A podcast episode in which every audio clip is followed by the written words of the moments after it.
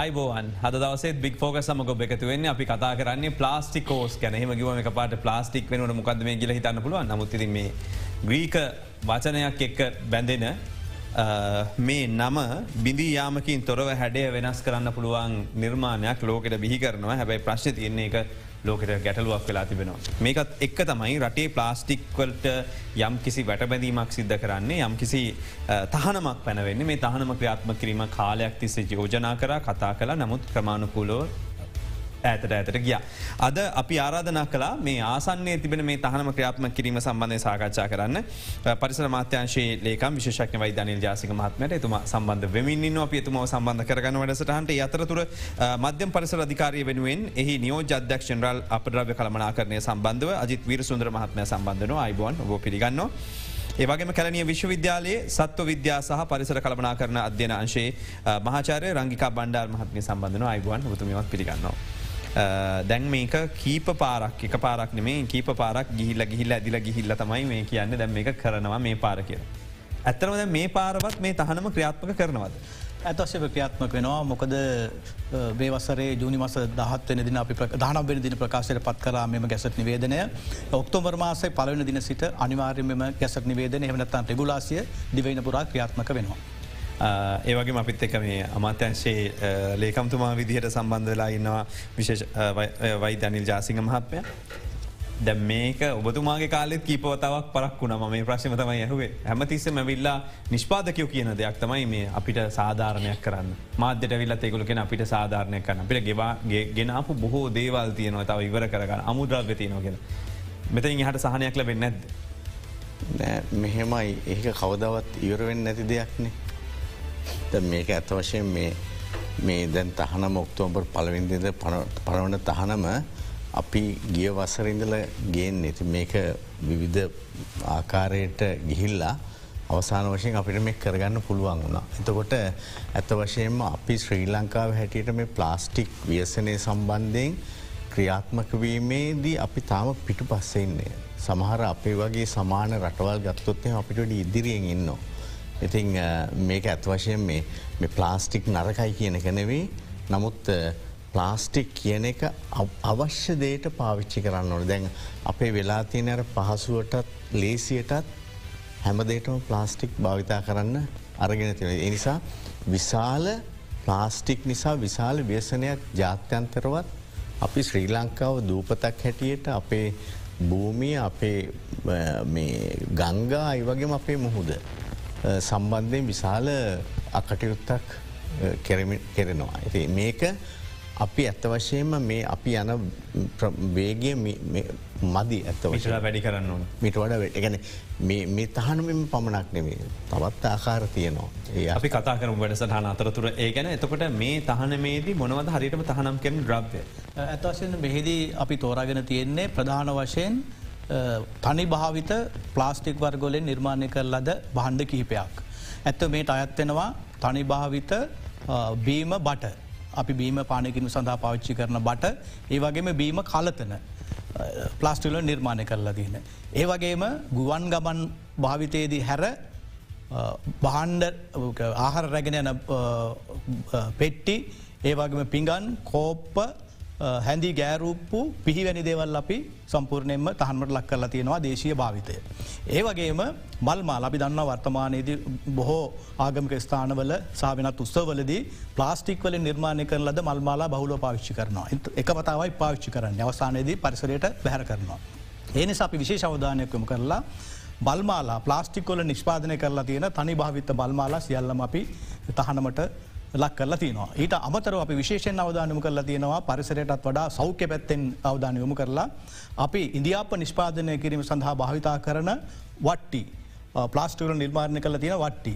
මේ වට්ටි හරහා මහිතන්නේ වට්ටි නිසන්තරයෙන් ඉන්දියාප නිෂ්පාදනයේදී උෂ්ටත්වයට භාජනවීම හේතු කොටගෙන නොයකුත්තාකාරයේ රසායනක ද්‍රව්‍ය එම ආහාර සමඟ මුසුවීම හැකියාවත්තිනවා. ඒ නිසා අපි තනි භාවිත ඉන්දියාප වට්ටි ප්ලාස්ටික් ඉන්දියාප වට්ටි තහනම් කිරීමට තීරණය කරලා තිනවා. මෙම දෙගුල හරියටම ක්‍රියාත්මක වෙන්න මේ තීන්දුව? ඔක්තෝබර් මෙම වසරේ ඔක්තෝබර් මස පලවෙන දින සිට. එතර එදයින් පස්සේ පූජාවට්ටියක් කරගෙන යන මනුස්සෙක් මල්මාලාවක් කරගෙන ගියෝතින් තාන්න මොකද වෙන්න? ඒ පූජකට ඇ විකුණන්න බැරිද? මනත්තන් දාන්න යනකෙන වැරදිකරුව වෙනවද? මොකද වෙන්න? එතකොට ප්‍රයෝගිකව ගත්තු. ඇතවසයම නිස්පාදනය කිරීමත් කිරීම හැකියාවක් නෑ.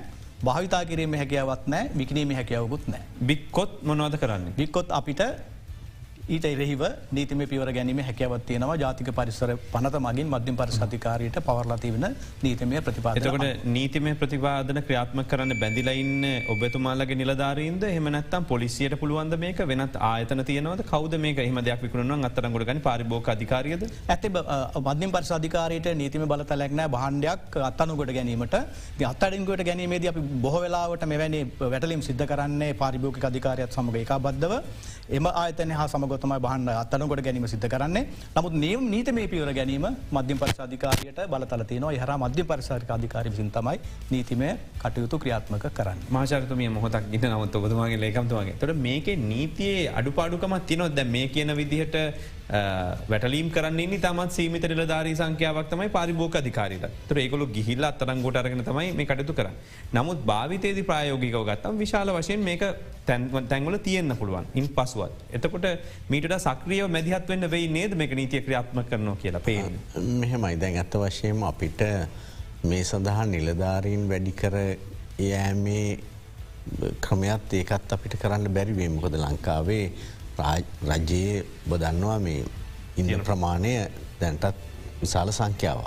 එතකොට ඒකයි මම කිව්වේ වෙනත් ක්‍රම තිය නො දැන් උදාහරණය කැටිට මේවන් නිෂ්ක්‍රිය කරන්න. එකන්නේ මේ ප්ලාස්ටික් භාවිතයෙන් ඉවත් කර ගැනීම සඳහා ජනතාව පොළඹුවන වෙනත් දේවල් තියනවා. උදාහරණයක් හැටියට දැන් ඇයි මේ ප්ලාස්ටික් මෙච්චරම තාමත් ප්ලාස්ටික් ලාබයි. වෙන දේකට වඩා ප්ලාස්ටික් ලාබයි නිසා උදාහරණයකට මේ ප්ලාස්ටික් ගේන වර්ජින් පැලට්සල්ට වැඩියෙන් ටැක්සයක් අයිකිරීමේ එක දෙයක් අදයිරමත් කිරීම අදහිරමත් කිරීම තව දෙයක්. අනිත්තක අනිත්තක තමයි වෙනත් විකල්ප නිෂ්පාදන සඳහා පෙළඹවීම් කිරීම. ඇත වශයෙන් විකල්ප කිව් හම ඇත්තටම මේ ප්‍රධාන ධාරාවේ නිෂ්පාදන නැතිවෙලා තමයි මේ ප්ලාස්ටික් ඇවිල්ල තියෙන ඇතරම ඒවකට ගත්තොත් ප්ලාස්ටික් තමයි විකල්පය දැන් හොඳමදේ ඉන්දියාප්ප වට්ටිය ඔය කියපු. එතකොට ඉන්දියාප ආවෙත් ප්ලාස්ටික්වලට ඉස්සෙල්ල ඉන්දියාප වට්ටියාවත් ප්ලාස්ටික්වලට ඉස්සෙල්ල. පසුව තමයි ප්ලාස්ටික් ඇවිල්ලා දැම් මේක ඉන්දියාප වට්ටිය ගැන ප්ලාස්ටික් කියන තත්වට පත්වෙල තියෙනවා. ති නිසා මේක වැරදි මතයක් අපි කියනවනම් මේ විකල්ප ගැනම නමුත් අනිත්තක තමයි මේ ප්ලාස්ටික් වලින් හදන ගොඩක් බාණ්ඩවලට ඔය කියන වෙනත් ආකාරයට බාණ්ඩ නිෂ්පාදනය කරන ලයිවලිහුඩ්සේ ඇන මිනිස්සු මේ රට පුරා විසිරී සිටිනවා. ඉතින් මේ නමුත් ඇතැම් දේවල් තියන ප්ලාස්ටික් නැතුව බැරි. අපි අන්න ඒ ටික තමයි තෝරගන්න. අනිත්තක තව තියනවා එච්චෙස් කෝඩ් එක කස්ටම් එක. ඒ සම්බන්ධයෙන් අපි දැන් ක්‍රියා කරගෙන න මොකද එච්චෙස් කෝඩ් එක කරහා විධ ආකාරයට ආනායනය කරන්න පුළුවන් එහි තියෙන යම් යම් තියෙන ගැටලු නිසා. මාචර රංක බණ්ඩර් මහපි ද මේක ගත්තම මේ ගත්තම ම බැලු ච්චස් කෝට් සිකත් කියපු හිද කේත කරනය සම්බන්ධය රේගුදත්තත් එක බලන්නකොට. ප්ලාස්ටික් අමුද්‍රව වශයනානය ප්ලාස්ටික් නිමිරාව වශයනානය ප්ලාස්ටික් ගෘහබාණ්ඩ වශයනානය ප්ලාස්ටික් සෙල්ලම් බඩු වශයනානය කිරීම තමයි වර්ගී කරන කන රේගුව. තුර දැ මෙතන බැහදිලිව තින ප්‍රබලතම ගැටලුව තින් මේ මොන ශේෂ්ත්‍රවලද. ප්‍රංහිතන ප්ලාස්ටික් අපි ආනයනය කරනකොට අපි ප්ලාස්ටික් රටක අපේ රටේ ප්ලාස්ටික් නිෂ්පාදනයක් කරන්න. අපි ප්ලාස්ටික් බාණ්ඩ වශයෙන් සහ අමුදර කොටස් වශයෙන් තම ආනයනය කිරීමක් කරන්නේ. ප්ලාස්ටික් අමුද්‍රවයක් විදිහටත් අපි අපේ රට ගෙනල්ලා විධ කර්මාන්තවලට යොදා ගැනීමක් කරනවා. අපේ රටේ මැතන මේ වෙනකොට ප්ලාස්ටික් කර්මාන්ත ශාලා හාරසියක් විතර තියෙනවා යාසිත රැකයා කන විශාල පිරිසක්කින්නවා. ඒ වගේ තත්ත්වයක් තමයි ලංකාවේ ප්ලාස්ටික් නිෂ්පාදනය සම්බන්ධය සහ ආනානය කිරීම සම්බන්ධයෙන් තියන්නේ. එතර ම හිතන්න අපිට විශාලම ප්‍රශ්නය තියන්නේ මේ ප්ලාස්ටික් ගැන කතා කරනට ප්ලාස්ටික් පැකේජි එකක් විදිට. දවටනයක් විදිහට ප්ලාස්ටික් අපේ අපිට ඇතුලන ප්‍රමාණය මොකද ඒක ප්ලාස්ටික් එක එක සැරයි පාවිච්චි වෙන්නේ ප්ලාස්ටික නිෂ්පාදනය වෙනවත් එක්ම ප්ලාස්ටික පරිසරයට බැහැරවීමක් සිද්ධන. අපි දන සමහර ප්ලාස්ටික් වර්ග තියනවා අපිට කාලයක් තිස්සේ නැවත භාවිතා කිරීමක් කර ගැනීම හැකියාවක් තියෙන. එතකට මහිතන මේ අපි දැන්ට කතා කරන්න සිංගල් යස් ප්ලාස්ටික් කියනෙකට අපි වැඩි අවධානයක්කොම් කරන්න සිද්ධ වෙලා තියෙන්නේ ඒ නිෂ්පාදනය කරනවත් ඒවත් එක්කම එක සැරයක් පාවිච්චියෙන් පරිසරයට මුදාහැරීමෙන් මිනිසාට පරිසරයට විශාල වශයෙන් බැදිච්ච සමාජී ආර්ථික සහ පරිසර සම්බන්ධ ගැටලු රාශයක් ඇති කරන නිසා මංහිතන තොට අපිතර කැටගරිස්වලින් අවධානයමු වෙන්න ඕනි. සිංගල් ලියස් ප්ලාස්ටික් කියන කැටගරීකට. ප්ලාස්ටික් ප්‍රධාන වශයෙන් වර්ග හතකට වෙන් කරලා තමයි ඉදිරිපත් වෙන්නේ. තොට දැම් මේ හතෙන් සිංගල් ලියස් ප්ලාස්ටික් කිවම මේක මේ පොලිස්ටෑරීන්ද මනත්තම් පොලිපොප්ලීන්ද මේ කියන නම්බලින් එහම ගන්න පුළුවන් දෙකෙන් මෙන්න මේ කොටස කියලවල අපට කියන්න පුළුවන්ද. මම එකතුතරැද මම හිතන්නේ එහෙම නෙමෙයි අපිට සිංගල් ලියස් ප්ලාස්ටික් එක අපිට ප්‍රධාන ප්ලාස්ටික් වර්ගංක හතකට තියෙනවා. එකේ සිට හත දක්වා. අපි පලවෙනි එක පෙට් කියලා කියන PET කියල. එහෙම ගත්තහම අංක හත දක්වා විධ ප්ලාස්ටික් වර්ග හතක් තියෙන. ඒ අංකෙන් සඳහන්වීමෙන් මහිතන් අපි බලාපොරොත්තු වෙන්නේ මේක රීසයිකල් කරන්න ප්‍රතිචක්‍රී කරණය කළ හැකි ප්ලාස්ටික් එකක්ද? නැද්ද කියන එක තම අංකින් ප්‍රධාන වශය නිරූපණය වෙන්නේ. ඔබ ප්ලාස්ටික් යමිසි දෙයක් මිලදී ගන්නකොට හෝ එක දවටනයක් ඇසරුමක් විදිට හරි තියෙනවාන ඒ අංකේ සඳහන් කිරීමක් කරන්න ඕනි සාමාන්‍ය අපිට අංකෙ දිහා බැලූ හම හිතන්න පුළුවන් එකනම් PET දෙකනම් හයිඩන්සිටි පොලියතුලින් ඒ ආකාරී රංක හත දක්වා තියෙනකොට මොන ලෝඩන්සිටි පොලියතුලින් පහ පොලි ප්‍රොපිලී හත කියන්නේ ඔක්කොම විස්ට වෙලා හැදිච්චද එතර ම දකින දෙර ගොඩක් දිට අපේ බිස්කට් වගේ දේවල් ගොඩක් දවටන තියෙනකොට එක හතේ ඉලක්කමෙන් තමයි තියෙන්. තුනී දවට රැපිං සිදිහටනයව. ඒ හතේ ඉලක්කම් තින මිස්ට්‍ර ප්ලාස්ටික් ඒක රීසයිකල් කර ගැනීම ප්‍රතිචක්‍රි කරණය කර ගැනීම හැකියාව අපිට තාක්ෂණික වශයෙන් හරිම අවමයි ගැන අපේ රටේරන්න නැහැ. ඒ වගේ ඒක නිසා අපිට පුළුවන් අංකේ අනුව මේක ප්‍රතිචක්‍රී කරණය කළ හැකි ප්ලාස්ටික් එකක්ද නැද්ද කියලා අඳුනගන්න හැබැයි සිංගල් ලියස් ප්ලාස්ටික් කියන එක එකේ සිට හර දක්වාම හදපු ප්ලාස්ටික් වර්ගවලින් තියෙන ප්‍රඩක් සිදියට තියෙන පුළු කෙටි ප්‍රශ්යක් දැන්ව හත්වනි කාණ්ඩේ තියෙන ඇසුරුම් තමයි මෑත කාලය ජනප්‍රිය වෙන්නේ. එතකොට මේවට හුළං වදින්න නෑ වෙනද වගේ නෙමේ මේක හොඳ ඇසුරුමක් කියනවා. මේක සිල්ල පැහැති ඇසුරුමක් ඇතුළ තියෙනවා කියනවා. හැබයි ඉස්සර බිස්කට පැකට් එක සාමාන්‍ය විදිර ප්ලාස්ටික් දවටනය සාමාන්‍ය ප්ලාස්ටික එක තමයි ආව. තොට මේ දැන්ගේන ඇසුරුම ඉස්සරති විච්ච තත්වට වඩා ප්‍රතිචක්‍රී කරනයේදී කරදරකාරීද? භයානකයිද? කල් යනවද දිරන්න ප්‍රයෝගිකව කියන තරද ඇත්තෙම දැන් අපි අංකනය කල තියන එක සිට හතදක්වා ඒ අනු අංකවලත් අනු පිළිවෙලත් තියෙන මොකද පහසු මේ ප්‍රතිචක්‍රී කරණය කිරීමේ පහසුමත් තම අංකිකරණය කරලා තියෙන්නේ. එකන් එකන්ගේ තියෙන ප්ලාස්ටිකවර්ගේ පහසුවෙන් ප්‍රචක්‍රී කරණය කිරීම හැකියාවත් තියෙනවා. එකන හතට යනකොට හත හරිම අපහසු පච්චක්‍රී කරණය කරන්න.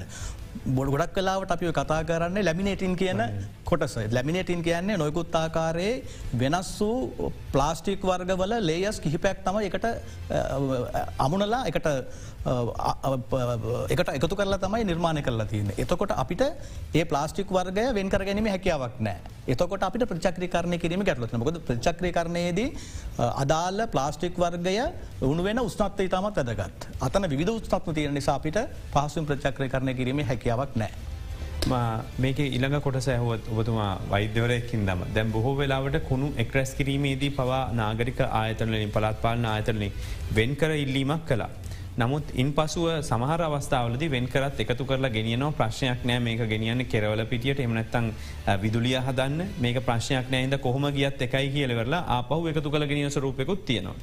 එතකොට දැන් ජනතාවත් හිතන් ඉන්න ප්‍රශ්නයක් නෑන දැන් විදුලිය හදන්නන යන්නේ මේ හොඳයින මේක කුණුත් මදින තවකුණු යන්නත් ඕනන කියලා මේක ප්‍රශ්න මේක ප්‍රශ්නයක් තියෙනවද එමනැත්තං මීට වඩා ක්‍රමාණුකූලව ප්ලාස්ටික් පාරිසරෙන් බැහර කිරීම කළ යුතුද. නැ මෙතැන්දි අත්තටම කතා කරන්න වේස්ටු එනජි ගැන කුණුවලින් කොහොමද බලශක්තිය ඇති කරන්න. ඉති ඒක ඒක නරක නෑ. නමුත් මේක අපි වැරදි පැත්තෙන් අල්ලල තියෙන්නේ. ගැනේ ඔයි වේස්ටු එනජි එන්න ඉස්සෙල්ලා අපේ ඇත්ත වශයෙන්ම කසල මේ කලසිෆයි කරන එක වෙනිමෙන් වශයෙන් කිරීම ඉතා හොඳින් සිද්ධ වුණා.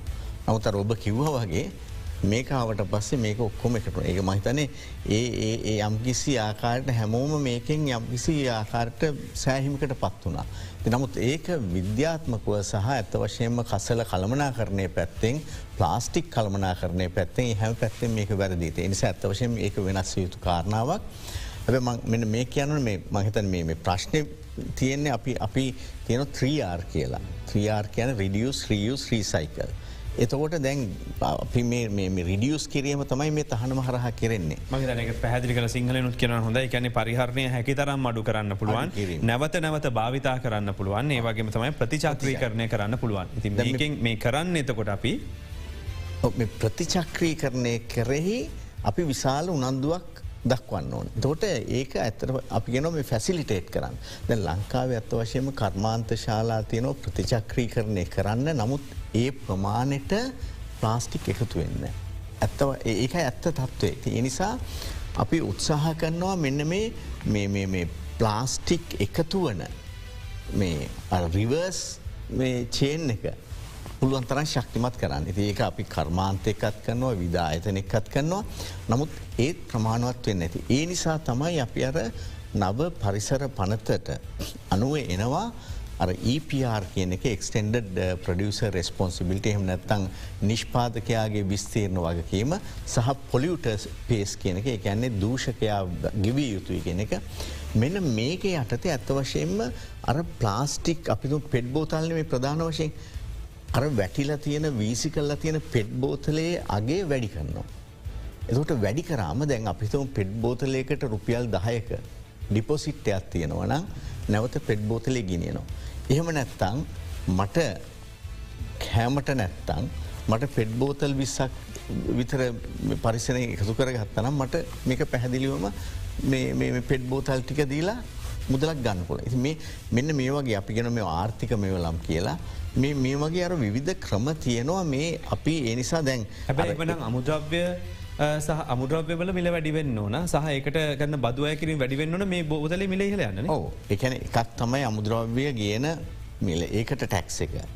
ඒක එහෙම නැත්තං නිෂ්පාදකයෙන් විසින් යම්කිසි ආකාරයට අර පොලියුට පේස් සහ EPR යටතේ කටයුතු කිරීම. දැන්.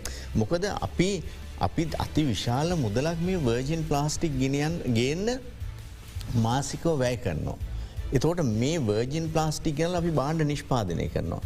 මේ බාණ්ඩ නිෂ්පාදනය කරාම නැවත නැවත මේවා නිෂ්පාදනය කරන්න පුළුවන් අපි අර ක්‍රමවේදය අනුගමනය කරනවන. ඒ වගේම තව දෙයක් තියෙනවා මේ නිෂ්පාදකයොත් බාණ්ඩ නිෂ්පාදකයෝ ප්ලාස්ටික් බාණ්ඩ නිෂ්පාදනයේදී ප්‍රතිචක්‍රී කරණයට පහසුවෙන ආකාරයට බාණ්ඩ නිෂ්පාදනය කළ යුතුයි. අපිට ඉස්සරහට ඒකටත් එන්න වන එකන උදාහරණය හැටියට මේ බෝතල් සියල් අවර්ණ විය යුතුයි. අපි වෙන රටකට ගියොත්ත හෙම බෝතල් සියල් අවර්ණයි. නමුත් අපි දන්නවා අපි ඇතැම් වර්ග අපි අඳුරගන්න පාටි. දැ ඒකෙදි වෙන්නේ අපිට මේ සියල්ල එකට දාලා ප්‍රතිචක්‍රී කරණය කිරීමේ හැකියාව තාක්ෂණික හැකියාව නැති වෙන. ආයකන අවරන්න බෝතල් තමයි අනිවාරෙන් තියෙන් ඕන කරන්න පුළුවන් නමුත් අරෝවෙන් කරන්න ඕන. එතකොට අවර්ණ බෝතලේ තමයි වඩාම සුදුසහ වර්ණ උනානං ඔක්කොම එතකොට ප්‍රතිචක්‍රී කරණය සඳහා විශාල පහසුවක් යට එයාට ඉතින් විකුණන්න අවශ්‍යන යට හැඩේම් වෙනස් කරන්න පුළුවන් ලේබලෙන් වෙනස්කන් පම් ලේබලෙන් පුළුවන් වර්ණය ගන්න. මේ අර පුරුදු වෙලා තියෙන දේ කියන්නේ ඇතැම් බියම වර්ග අපිට නම් කියන්න බැරුණට අපි දන්නවා මේක අර පාටත් එක්ක තමයි ඒ නිෂ්පාදකයා මේ වෙල්ද පොල එකැන මාකටිං පැත්ත යන්න. ඉතින් පාරිභෝකයක්ත් එහෙම පුරද. නමුත් මේ පුරුදු වෙනස් වී යුතුයි. අනික වෙනස් කළ යුතුයි. ඒකැන දැන් සාමාන්‍යයෙන් ගත්තම ලංකාවේ දැනට තින වැඩිම ප්‍රශ්නය මොකක් දේකැන්න අපිට මේක සිංගල් යස් ප්ලාස්ටික් නොවනත් වැඩිම බෝතල්ද යෝගට් කෝප්පද ආවරණද?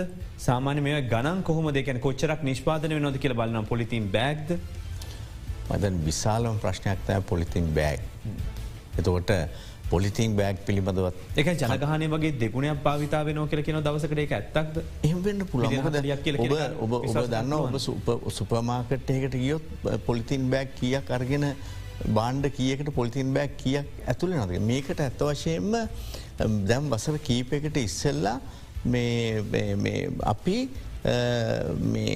පාරිභෝගයට යම්කිසි මුදලක් අයකරන ක්‍රමයක් ඇති කර. නමුති නඩු තින්දුවත් නේ දෙම කරන්න බෑකිලවල එක එක ඉවත් වුණා. ඒකතම කනගඩුදායක නමුත් රියපිල් කරන්න බැයිද? මොකකරීම අපි යම් ක්‍රමවේදයක් අනුගමනය කරනවා උපක්‍රමශීලීව නැවත ඒක ගේන්න. දෙ මක් හිතනවා මේක ඉදිරි කාලය ගේන පුළඟ මොද අපට කනගාටු ඔබ යන්න කෙන්්‍යාවට කෙන්යාව කියන්න මේ අපිට වඩා දියුණු රටන් නෙවේ කෙන්යාවේ එක පොලිතීන් බෑග්ය. එක පොලිතින් බෑග ඒ ගොල්ලන්ට පුළුවන්න ද මෙමයිද මිනිස්සුත් පුරුදුවෙලා ඇති ඕක අර්පර්සිප්ෂන්. නමුත් සමහර වෙලාවට තියරණ අරගෙන මේක එක වර කරකවන්නත් සිද්ධ වෙනවා. මේව නැතුව අපි මේ ජීවත්තුන් නැතුව නෙවෙයි. ඇයි ඇයි එක අපි අපි දන්න අපි ගිහිල්ල අරගෙන තින එක බෑග්ගකට එලවලු වර්ග ඔක්කොම දාගෙන ගෙදර ගිහිල තිය දැන් මොකක්ද වෙන්න දැන් දැන් හැම එකටම වෙන වෙනම දාලා ඒකට තව ලොකු බෑගයක් දානති. මේක මේක උදාසීන කරන්න වෙළඳ පොලත් කල්පනා කරන්න පාරිභෝකයත් කල්පනා කරන්න මේ අපි කරන්නේ වැරැද්දක් කියලා නැවත භාවිතා කන බෑග් තියනවා ඒවට උනන්දු වෙනවා අඩුයි. ඉති ඒ නිසා අනිවාර්යෙන් අපිට තීරණාත්මකව කටයුතු කිරීමේ අවශ්‍යතාවකුත් තියෙන. අපි විරාමිකට යොමු වෙලා එන්නම් මේ හද දෙරන බික් ෆෝකස්.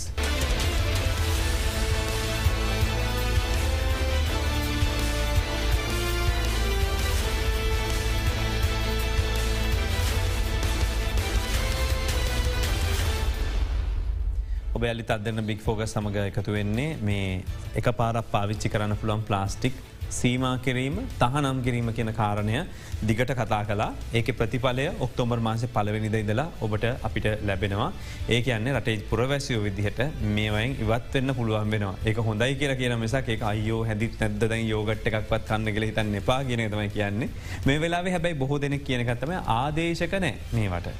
එතකොට ආදේශක නැතිව මොනවද මේ ගන්න තීන්දු තීරණ. එතට මේකට දැ මොකද ගේ දැන් ඔබතුමල බාණ්ඩ හතක් තහනම් කරන මොනවද මේට දෙන්නල ආදේශක කියලාහනවන ලේකම්තුමා කොහොද මේක පැහදිලි කරන්න මේක උත්තර මොකක්දකොට. පළවෙනි එක තමයි ඇත්තවශයෙන්ම අර නියම එකැන ප්‍රධාන ධාරාවේ දේ වෙනුවට ප්ලාස්ටික් ඇවිල්ල ප්ලාස්ටික් තමයි ආදේශකයක් බවට පත්වන. මංගුය හොඳටම කිවේ ඉදිියක්වටේ. අනිත් එක තමයි ඒ අර ඊට කලින් ඇති වුණු විවිධ කර්මාන්ත රටපුරා මේ ප්ලාස්ටික් නිසා ඒවා යට ගියා. නමුත් ඒ කර්මාන්ත නැවත ඒවට යොමුවෙන්න පිරිස්සින්නවා.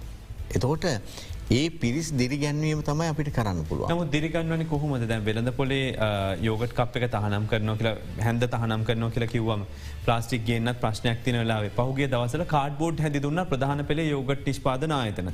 දැන් ආපහු බාරක ඒකයිංල ප්ලාස්ටික් හැන් දැවිල තියෙන ඒක උනේ මොකද මේ අපේ මේ ගැසට් එක ප්‍රමාධනානේ එතකොට ඒ ප්‍රමාදවීම තුළ ඒ අපේ ප්‍රශ්නයක් නිසා නෙවෙයි ඒ ප්‍රමාදවීම තුළ අර ඔය කාඩ්බෝඩ් හැන්ද ගැනීම මේ සුපමාකට ඇතුළු ඒ අයි විසින් නැවත්ව මොකද හිතුව මේ ගැසට්ට කෙනෙකන්න නෑ කියලා. නමුත් දැන් දැන් එයට සිද්ධ නෝ නැවත මේ ඔක්තෝම්බර් පලවින්දයන් පස්සේ ප්ලාස්ටික් හැන්ද වෙල්ද පොට දාන්න බෑ. ඉතින් මේ විකල්ප කියන එක මහා බරපතල අමාරු කාරණයක් නෙවෙයි. ඒක ඇත්ත වශයෙන්ම ජනතාව තුළින් මෙනොම් ගැනම්. යම්කිසි වෙළදාම් හැටියට ව්‍යාපාර හැටියට කුඩා ක්ෂුද්‍ර ව්‍යාපාර හැටියට මේ වයිනවා. එක නැත්තං වෙන එකක් කෙනවා වෙනවා. එතකොට ඔබතුම මහචරතුමිය මේ ගැන අපිට යන්න පුළන්දේ ප්‍රයෝගික ජනතාවට නොත් කිරීමකුත් අවශන වාට ඔයහන් දෙම කන්නන්න වෙන හැදත් තිනවරි මොහක්කර විදිිය මොනවද අපිට කරන්න පුළුවන් දේවල් මේට මහිතන්න මම මෙතුමා කිය පුත්තරයට ගොඩක් එකගයි මොකද අපි දන්න අපි මේ අපි සාමානය අනකුත් රටවල් ලෝක අරම් බැලුහම අරාබිය ගත්තොතින් ඉන්දියාව ගත්තතින් ජපානය ගත්තුතින් ගොඩක් රටවල් මේ වෙනකොට ඉන්දියාව ගත්තම අපි දන අධික ජනගහනයක් ඉන්න රටක්. ඒවගේ රටවල්ල පවා මේ shopping single use plastic shopping බෑක්සා ඔය කියන දේවල් තානන් කල තියෙන අපි කඩේකට බඩුවක් ගන්න ගයොත් අපිට බෑගිකක් දෙන්න. අපි පිටටියක් විදිට ගිය අපිට ගොල්ල සිංගල් යස් ප්ලාස්ටික් බෑගක් දෙන්න රෙදිකඩයකට ගියත් වෙන දෙයක් ගන්න අපිට ලැබෙන්නේ.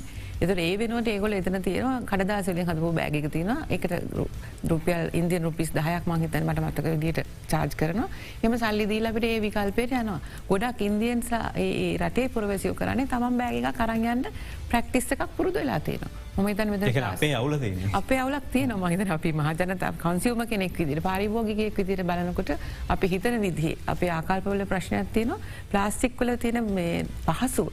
ප්ලාස්ටික් uh, පහසුවෙන් ලබාගන්න පුළුවන් කම්ම නිසා අපේ තියෙන පහසුව නිසාම ප්ලාස්ටික්වලට යනවා මිසක් නැත්තන් අපිට මහිතන විකල්ප අපි ළඟම අපේ ගෙදරම අපිට තියෙන. දැන් මේක අපි නීතියෙන්මද මේ ප්‍රශ් තියන ඊලන් කොට සබතුමා ප්‍රශ්ට එකතු කරලා අපි ප්‍රධාන සන්නාමකමු කොස්කෝ ගියත් වෝල් මාඩ් කිය ලොකුවට බඩුටි කරංගියාට තුට අපි බැඩුට බෑග කරන්න යන්න ඕන. හැබැයි වුණට ඒගොළඟ බෑග ගන්න ඕන. අනිවරෙන් අයකිරීමක් කරනවා. මේකට නීතිරීති න කියලතුමක් කොමර මේ ලියට එන්නක නඩු තිීන්දුවක ප්‍රශ්න කුත්තින කියලා ත මේකත් එක් කොහොමද ජනතාව පෙළගස්සන්න පුළුවන් වෙන්නේ. ඇත්තෙන් බර ස්තල්ලෝබ ඇහ ප්‍රස්සට මල් පොඩ්ඩක් එකතු කිරීම කරන සිද්ධනවා ඇත්ත මොකද අපි නිදස් පහගේ වසර කාලල තමයි ආරම්භ කරේ මේ ප්ලාස්ටික් සම්බන්ධ එතන ගැටලුවට කොහොමද අපි මුහුණ දෙන්න කියන එක පිළිබඳව. මෙතනද අපි නිරන්තරයෙන්ම විශේෂම ශිල්ප සභාව සහ ඒ ආස්තිත වේගුලුත් ඒ අත්තේ කටයුතු කරන නිෂ්පාදන දේශය නිෂ්පාදන ආතන සමගපි නිරන්තර සාකච්ඡ පැවැත්තුව. එතනදි මතු විච්චක කාරණාවක් තමයි නිස්පාදකැන් අප නිල්ලා සිටියේ අපිට තර්ග කිරීම හැකියාවක් නෑ ප්ලාස්ටික් බාණ්ඩත් එක්ක මොකද මිල සංසන්ධනය කරනකොට දේශය බාණ්ඩොල මිල සය සංසන්ධනාත්මක වැඩි අගයක් තියෙන නිසා. ඒ නිසා ඒගොල් නිරන්තරයෙන් අපි ඉල්ලා සිටිය ඉස්සරල තහනම් කරලා දෙන්න අපි විකල්ප දෙන්නම් කියන එක. ඉතින් මහිතන්නේ වර්තමානයේද ඉතා විශාල පිරිසක් නිෂ්පාතකින් පිරිසක් බලාගෙනන්නවා තහනම එනකල් විකල්ප රැගෙන වෙඩපලට එන්න. ඉති මේ සම්බන්ධ අපි විශේෂයෙන්ම ප්‍රධාන ආහාර නිස්පාදන ආයතන සමඟ මේ මාසේ ලබන සිකුරම විසි පසට විශේෂ රැසිමක් දාලාතින ශිල්පස බවක් සම රැසිමක් අපි සාකච්ඡාවක් රැසිමක් සමිධානය කරලා තින මේ පිළිබඳ සාකච්ඡා කරලා කොහොමද විකල්ප අපි රට හඳුන්නා දෙන්න කියනක. ඉති මේ අවස්ථාවම විවෘත වාර්ධනා කරන්න කැමති අපගේ දිවෙන තුළ ඉන්නවනගේ විට නිස්පාදකයෙන් අපිත් එක් සම්බන්ධය මධ්‍යම පරිස අධිකාරත් එක් සම්බන්ධ වෙන්ද. අපිට හැකියවත්තිබනවා ඔබට වෙල්දපලට ඒම සඳහා උපකාර කරන්න. මේ ප්ලාස්ටික් පිඟන් වගේ දේවල් සාමානය එක පාර පවිච්චි කල විසි කරන දේවල් වලට අපිට ලේකම්තුමක්ව ඉන්දියාවේ උදාහරණ අරගෙන තිබුණා.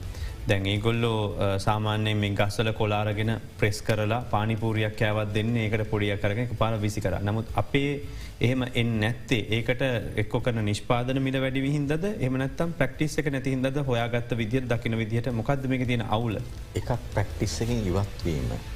අනිත්තක ඔබ කිව්වගේ මිල මිල ගැටලුවත් තියෙනවා. ඇත්ත වශයෙන්ම ලංකාවේ ප්ලාස්ටික් මිල ඉතාම අටුයි.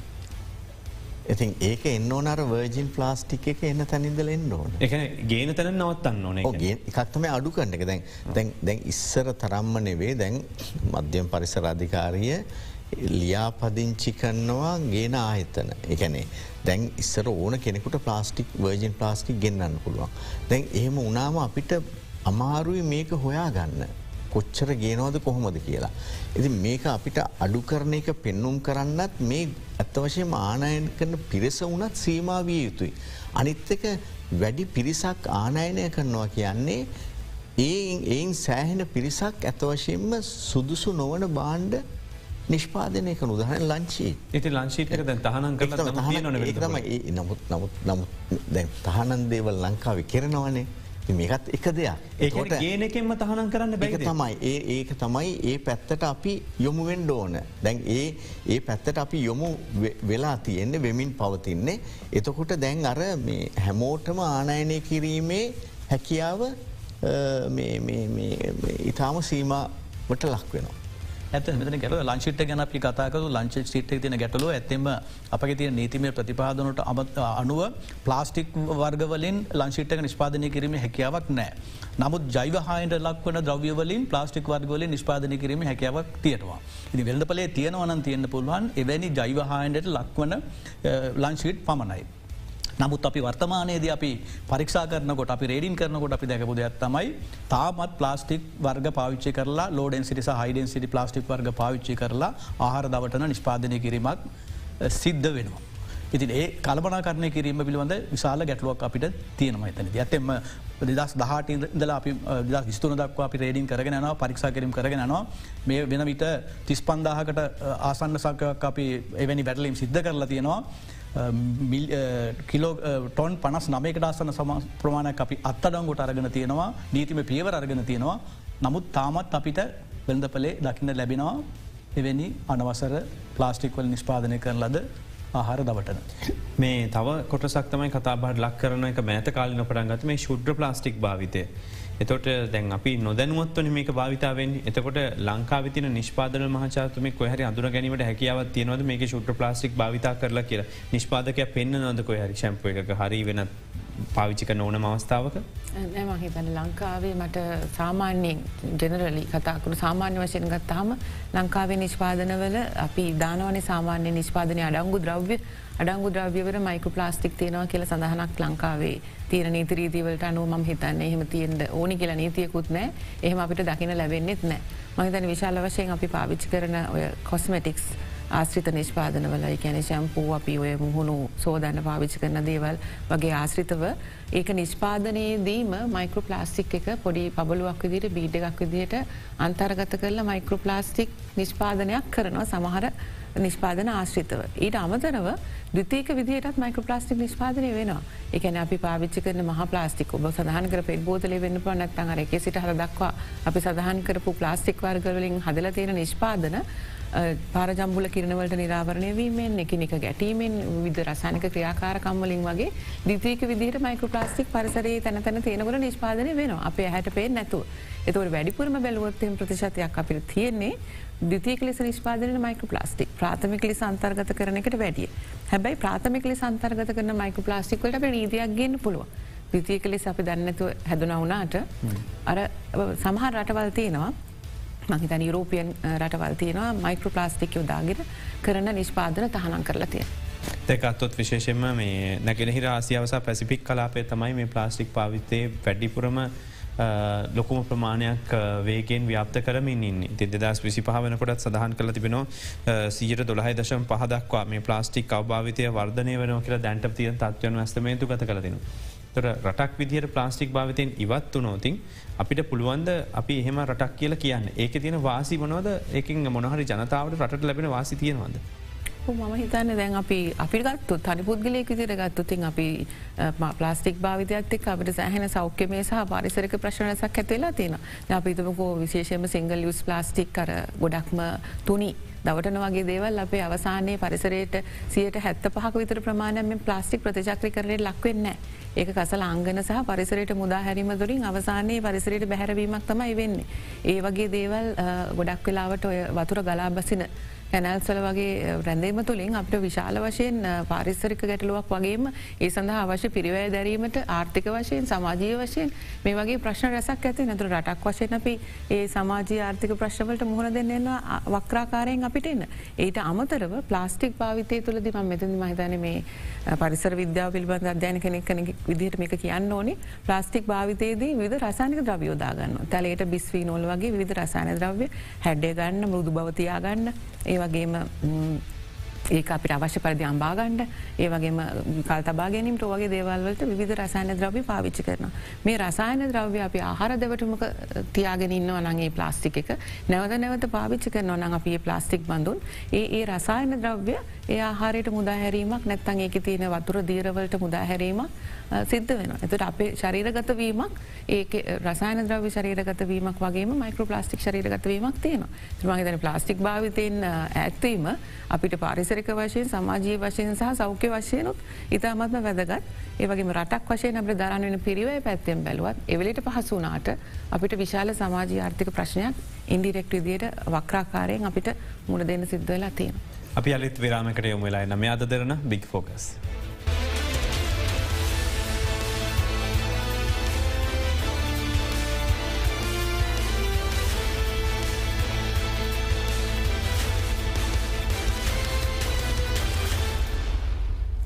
වැලි තදන්න බික් ෆෝකස් සමඟ මට තියෙන කෙටි වෙලාම කෙටි ප්‍රශ් කීපකට යොමුවෙන්නේ ඔබතුමාගේ හොත් ප්‍රශ්නයක් විදිහට සෞඛ්‍යයට ප්‍රශ්නයක් තියනවද ඇත්තටම මේ ප්ලාස්ටික් වලින් කොහවක ඔප්පු කල තිනවද මේගෙන් පිළිකා හැදනවාරි මොහ ප්‍රශ්නයක් තියනවා කියලා?